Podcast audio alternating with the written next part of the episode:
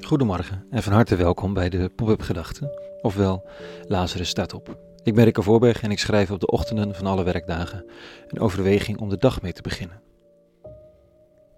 Vandaag met de titel Verlangen naar inzicht. Pop-up Gedachten maandag 4 mei 2020.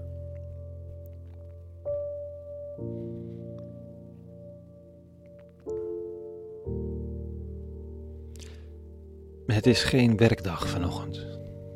Officieel dan, hè?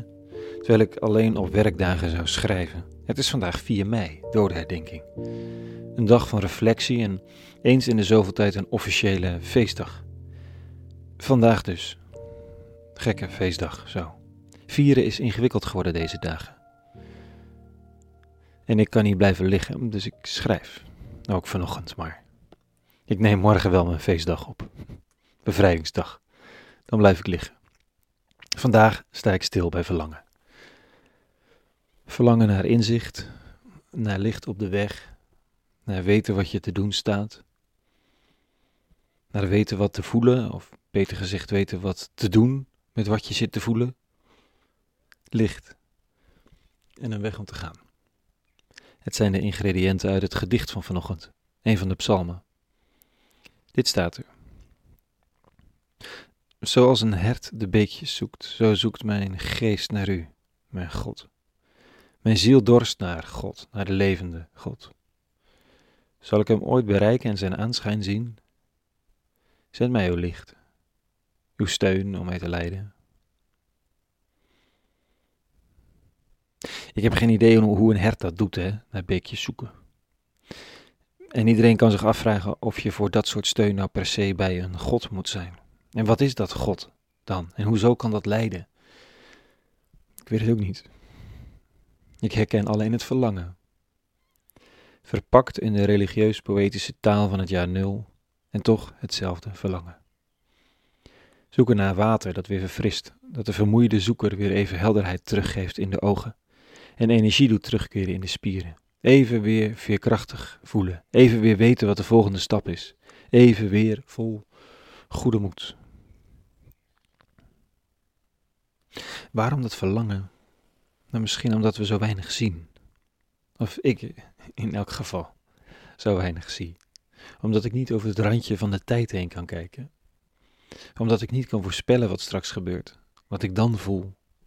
Omdat ik niet weet wat een ander denkt en wat wijs is. En omdat ik denk dat het zou helpen om het wel te weten, dat ik rustiger zou zijn. Maar het is niet aan mij. En ik weet eerlijk gezegd ook niet of het echt zou helpen als ik het wel zou weten.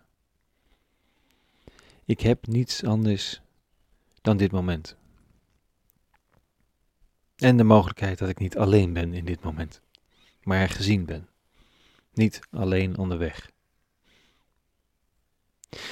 Kijk de, kijk, de schrijver wil God zien. Zo simpel. Zo onmogelijk. Zo onvoorstelbaar ook voor de meeste van ons. Ik weet niet of ik de eeuwige wil zien. Maar, gezien worden, dat is heel wat anders.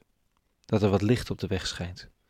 Die momenten zijn er ook, hè, dat je donders goed weet wat er nu nodig is en de kansen grijpt, de stappen zet, overtuigd bent. Al is het een overtuiging die elk moment door de werkelijkheid gekeerd kan worden. Ik, bedoel, ik schrijf en weet dat er zoveel momenten waren dat ik iets had beweerd en dat iemand me maar hoefde te wijzen op één argument, iets dat ik over het hoofd had gezien en me opeens de schellen van de ogen vielen en me afvroeg hoe ik had kunnen denken wat ik vijf minuten eerder nog voor volkomen logisch had gehouden. Het kan onzeker maken, tenzij het groei is. Als het willekeur is, luchtledigheid, nu eens denk je dit, dan zonder enig verband denk je dat, dan is er geen pijl op te trekken. als het groei is, met horten en stoten soms, groeipijn, knoopmomenten, uitbottingen, dan is het minder erg. Dan is er slechts water nodig om te groeien en licht. Dan kan een nieuwe uitstulping pijn doen, maar het is niet in de lucht ledige. Het is groeien. Water en licht, daar zoekt de dichtende reiziger naar.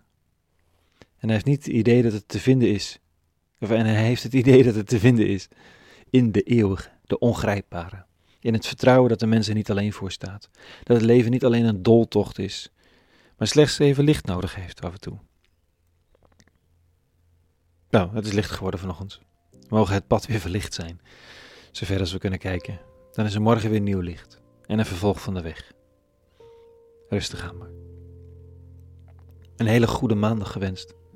Deze dode herdenking in coronatijden. Morgen is het een feestdag. Woensdag ben ik er weer. Voor nu, vrede. En alle goeds. thank you